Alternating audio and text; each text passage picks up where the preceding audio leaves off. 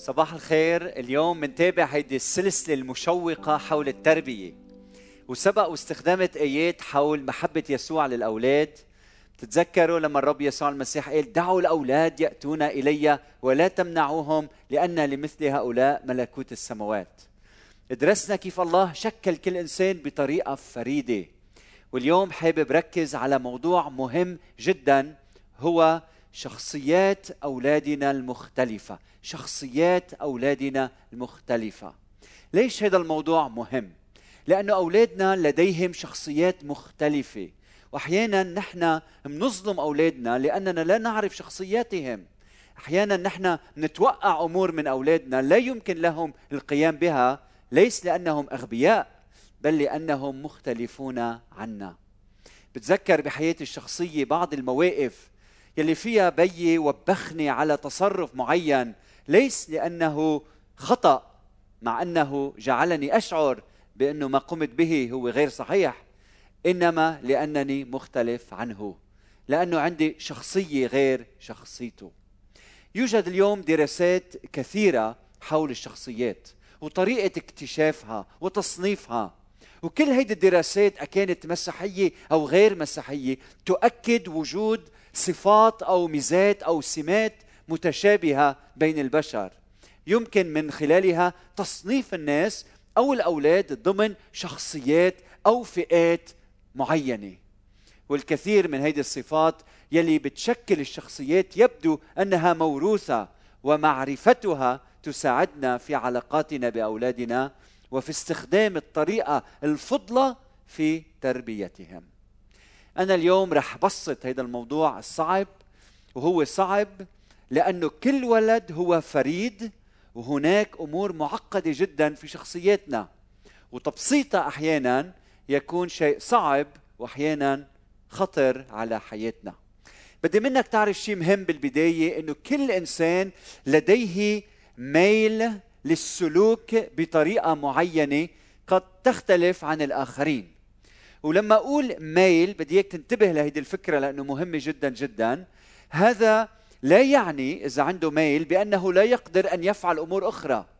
إنما بكلمة ميل أنا عم بقصد انه هو بشكل طبيعي عنده انجذاب أو ميل أو قابلية للقيام بأمور معينة أكثر من أمور أخرى. خلينا اعطيكم مثل. ليش يوجد أطفال لما بيجي ضيف على البيت ونحن بنقول لأولادنا روحوا سلم على فلان. بيجي هذا الولد بيركض بيجي بيسلم بكل ثقة بيطبش يده طبشا بيد الآخرين. وليش في ولد آخر لما بتقول له روح وسلم بيمسك بثوب أمه ويختبئ أو يخبئ رأسه؟ لماذا؟ ليش لما بتكون راكب السيارة بتشوف من خلال الزجاج الخلفي للسيارة يلي أمامك طفل عم ينظر لإلك بتيجي أنت بتسلم عليه بيجمد أو بيختفي خلف المقعد. وليش ولد آخر ببلش هو بالتلويح لك ويبتسم؟ صحيح؟ طيب وين المشكلة هنا؟ المشكلة لما الأب مثلا بده بنته تكون مثله تخاطب الناس وتكون منفتحة جدا نحو الآخرين وغير منطوية. فببلش يجبرها على أن تسلك كما يريد فبهينا بالكلام بدمر شخصيتها لأنه يريدها أن تكون بغير ما هي عليه. يريد لشخصيتها أن تكون مثله. فهيدي النقطة كثير مهمة. فالأطباع يلي بتشوفها بولدك يلي هي مختلفة عنك هيدي ما بتعني إنه ولدك على خطأ وإنت على صواب. بل هيدي بتعني بأنه هو مختلف بشخصيته عنك. وأنت كأب أو كأم يجب أن تعطيه المساحه ليتشكل كما صنعه الله. وعليك أن تتعلم كيف تحتفل بالاختلافات الموجودة في شخصيته. واليوم بدي منك تفكر بأولادنا ضمن أربع مجموعات لحتى تساعدك تفهم أولادك بطريقة صحيحة. المجموعة الأولى ورح تطلع قدامكم على الشاشة لها علاقة بالانفتاح أو الانطواء الانفتاح أو الانطواء. هنا لدينا شخصية بتميل نحو الانفتاح يقابلها شخصية تميل نحو الانطواء. فهل بتعرف أولادك إن كانوا يميلون نحو الانفتاح أو الانطواء؟ هل أولادك بحبوا أنه يتواصلوا بشكل أساسي بالعالم الخارجي وبيستمدوا الطاقة من تفاعلاتهم مع الآخرين؟ هل بنتك تميل إلى التفكير بصوت عالي لأنه إخراج أفكارها إلى العالم الخارجي يساعدها في التعامل معها؟ هل ابنك بيستمتع بالتحدث مع مجموعة من الأشخاص وبحب إنه يجرب أشياء جديدة؟ مثلا لعبة جديدة تم الإعلان عنها في عيد ميلاد أصدقائه؟ وهل بيحتاج إلى المدح والتشجيع من الآخرين وعلنيا؟ هل ولدك بيعبر بالكلام وبيتمتع بعدد كبير من الأصدقاء وهيك بيشحن بطاريته ويستمد نشاطه. أو مثلا هلأ بروح للناحية الثانية ابنك بفضل بشكل أساسي العالم الداخلي يستمد الطاقة من خلال الابتعاد عن العالم الخارجي. التحدث مع مجموعة من الأشخاص بيكون أحيانا مرهقا للغاية. وهو بفضل التحدث مع شخص واحد أو مجموعة محددة من الأصحاب يلي بيعرفهم بطريقة جيدة. يمكن ابنك ما بيشعر بالراحة عندما يطلب منه أن يكون أول من يجرب لعبة جديدة في عيد ميلاد أحد الأصدقاء.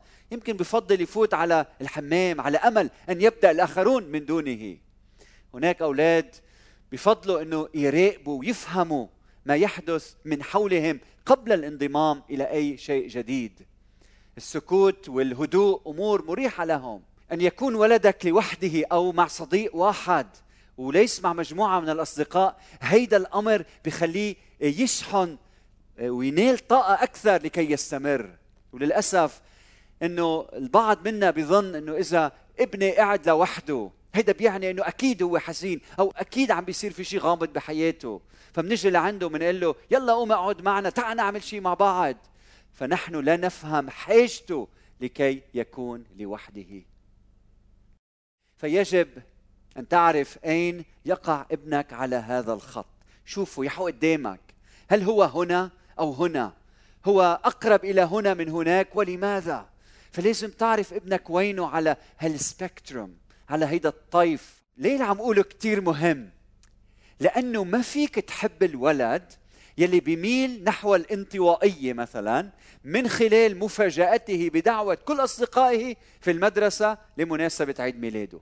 بتدمره أو بتزعل منه لأنه ما عم بيسير الزوار أو بتعاتبه لأنه ما عم بيبادر وهو يكون أول واحد عم يلعب هيدي اللعبة الجديدة. بتحطمه لأنك عم تطلب منه شيء خارج عن طبيعته.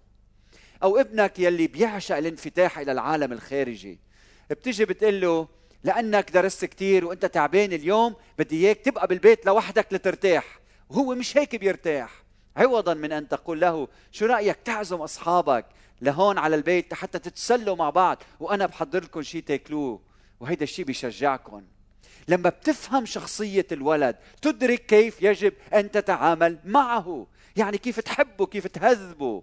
وأيضا كيف ما تدينه أو ما تحكم عليه لأنه لا يشبه شخصيتك. وهلا بنتقل للمجموعة المجموعة الثانية.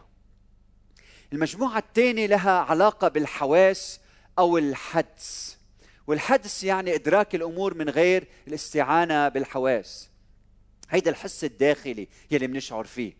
هنا لدينا إما شخصية بتميل نحو التركيز على الحواس واللمس والنظر يقابلها الشخصية التي تميل نحو الحدس أي إدراك الشيء ادراكا مباشرا من غير اعتماد على خبرة سابقة. كأنها معرفة حاصلة في الذهن دفعة واحدة. ويلي بيركز على الحواس غالبا ما يكون محددا. يعني هيدا الولد بيلعب باللعبة تماما كما تم تصميمها. بحب الحقائق والوقائع الدقيقة. عنده ذاكرة جيدة بيركز على التفاصيل. هيك ابنك؟ فيجب أن يعرف شو هي التعليمات خطوة بخطوة. بهمه التفاصيل ومن ثم ينتقل إلى الصورة الكبيرة.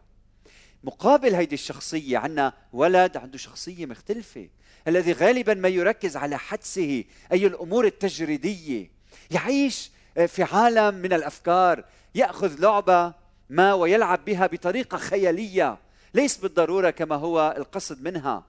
بحب إنه يحلم ويفكر بالمستقبل. الحقائق مملة بالنسبة له. بيكره صف التاريخ.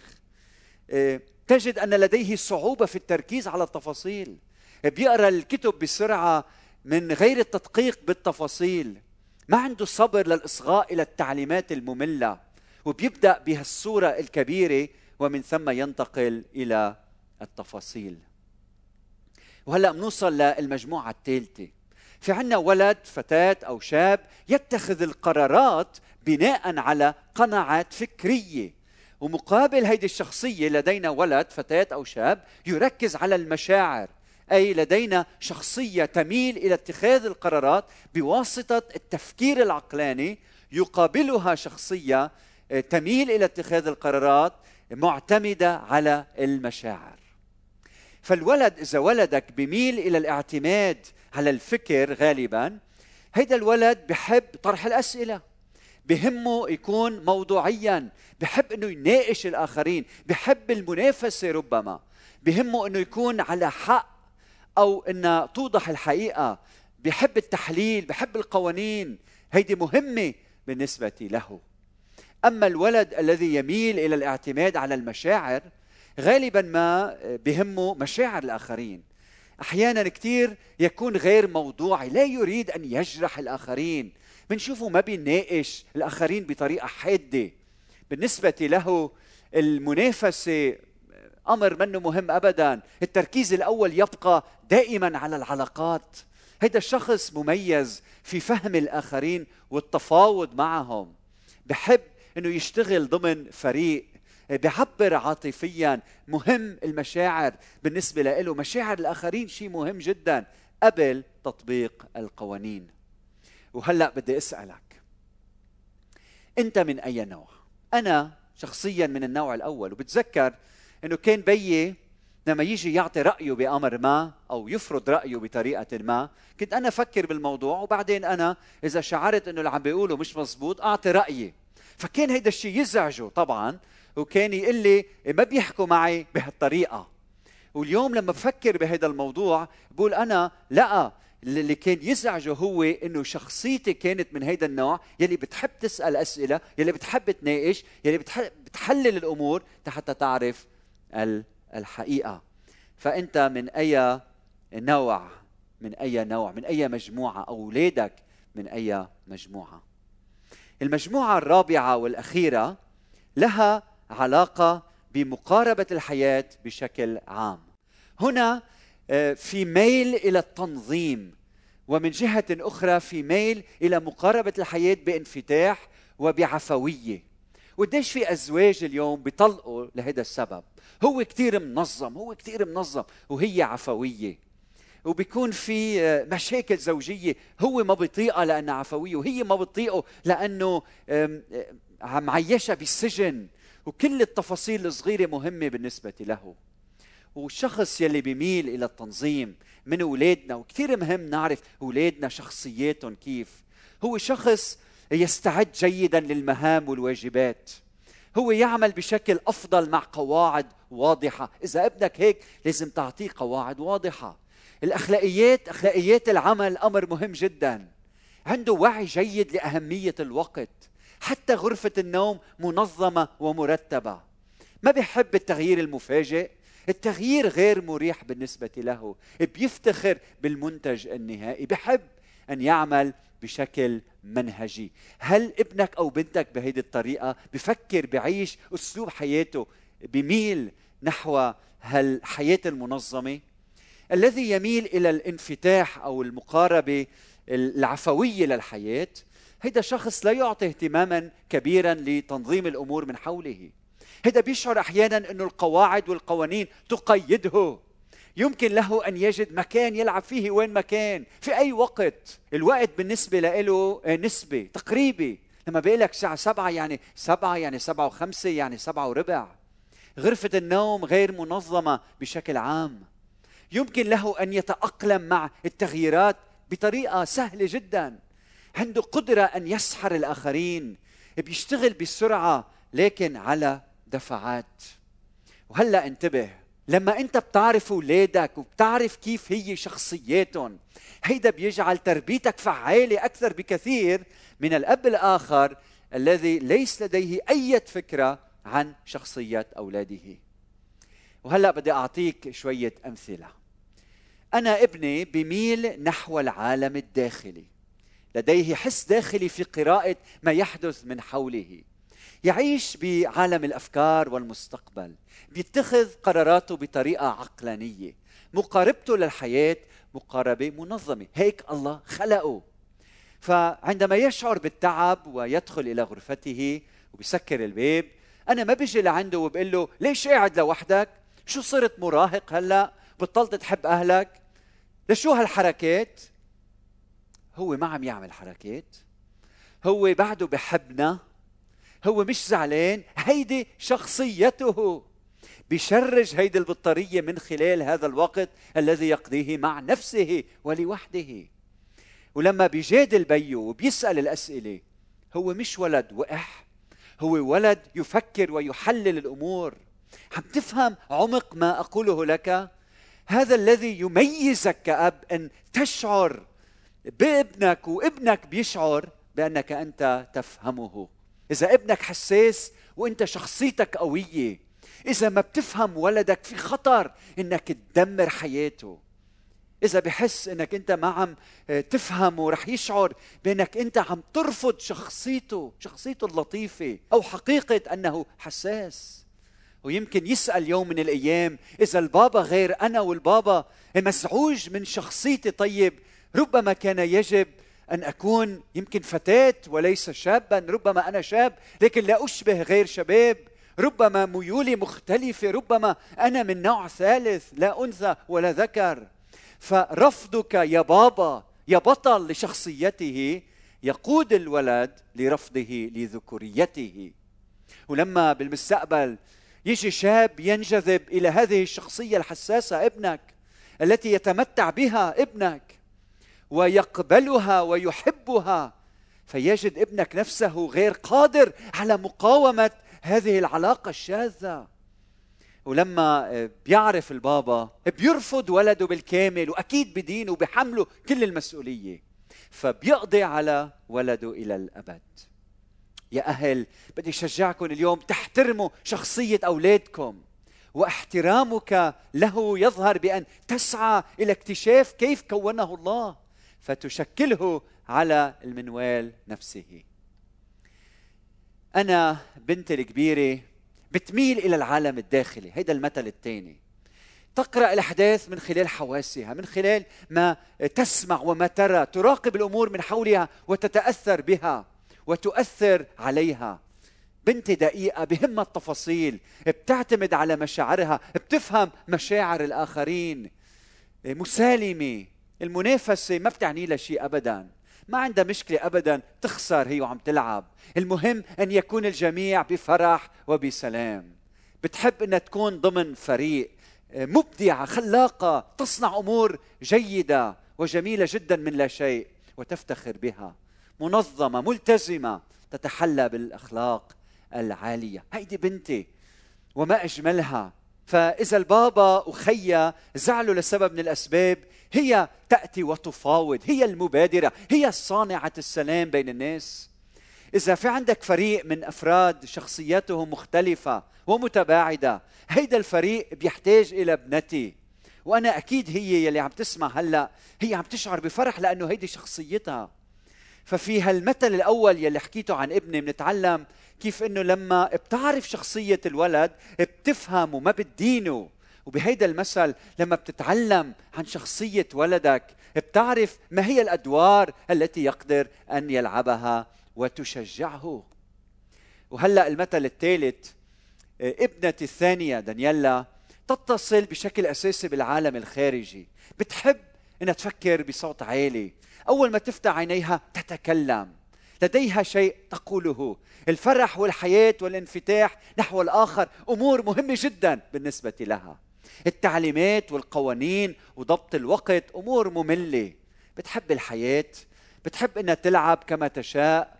بتاخذ جينز مع مقص بتقصهم بصيروا شورت بصيروا محفظة. المشاعر مهمة بالنسبة لها بتقرأ العالم من حولها من خلال مشاعرها الجميلة. إذا التهبت دينتها بتجي لعند البابا وبتقول ما بقى في البس حلق أقراط يعني كل أيام حياتي. إذا الماما تعبانة بتغنجها إذا البابا تعبان بتخدمه بتحب إنه تسحره للدادي. لما خي المنظم بيقول لها هلأ اجى الوقت لحتى ندرس اللغة العربية. بتنزعج لأنه ما بتحب القوانين بتتأخر لكي تأتي بتركز لنص ساعة بعدين بتتعب. من السهل إنها تحط خطة واضحة لكن هناك صعوبة في التطبيق. إما بتعرف إنه بنتها مشكلة بهيدي الطريقة وكريستا امرأة منظمة ما بتدين بنتها ما بتحتقر بنتها بل بتفرح بالجو الجميل يلي بتصنعه في البيت وروح الاحتفال والإبداع التي تتحلى به. وبتستخدم أسلوب آخر بيعطي الولد مساحة مرنة من الحرية والإبداع. أنا وزوجتي اليوم بنستمتع جدا بأولادنا ونحن منا أفضل من الآخرين. كل شيء بنعمله نحن بنسعى إنه نكتشف عظمة هذا الإله المبدع وكيف صمم أولادنا. نحن ما بنصنع شخصيات أولادنا نحن بنتلقى منه تلك الشخصيات ونغذيها بالحب والتشجيع والتوجيه. والله يحدث النمو. والآن بدي منك انت يلي عندك أولاد إذا عمرهم سبع سنين ثمانية تسعة عشرة 11 12 إنك توصف شخصياتهم في ضوء ما سمعت اليوم. ليس لكي تضع أولادك بعلبة وتسكر عليهم ابدا بل لكي تقدر أكثر فأكثر كيف صنعهم الله ولكي تشجعهم ليصبحوا كما رسم الله لهم أن يكونوا. تذكر إنه هيدي المجموعات اللي قدامك يلي تكلمنا عنها هي مجموعات أحيانا متداخلة. ويمكن أن آه، نضيف عليها. تذكر إن أمام نحن قدام طيف طيف. بعضهم هنا وبعضهم هناك وبعضهم الآخر في الوسط. ونحن في نمو مستمر. وإذا أنت أعزب أو متزوج وما عندك أولاد أنت بطل لأنك صغيت لهالعظة إلى الآن. وصلت معنا لهون. شو رأيك هلأ توصف حالتك توصف زوجتك أو خطيبتك. أنا قمت بتمرين مشابه لقادة الكنيسة وهيدا ساعدنا وبيساعدنا لكي لا ندين بعضنا بعضا ولكي نحترم اختلافاتنا ونتحد حول نقاط قوتنا. واليوم يوجد برامج متعددة مثل StrengthFinder test أو ال Enneagram وغيرها يلي بتساعدنا يلي فيها تساعدك إنك تكتشف كيف الله شكل اولادك فتواصل معنا. نحن هون لحتى نساعدك اسألنا الأسئلة يلي بتحتاج لها ونحن بدنا نخصص وقت حتى نجيب عن أسئلتكم. بتمنى إنه هيدي الدروس بهيدي الأيام عم بتساعدك حتى تستمتع بأولادك وحتى تكتشف هذه الجواهر الجميلة فيتمجد الله من خلال أولادنا. وإلى اللقاء.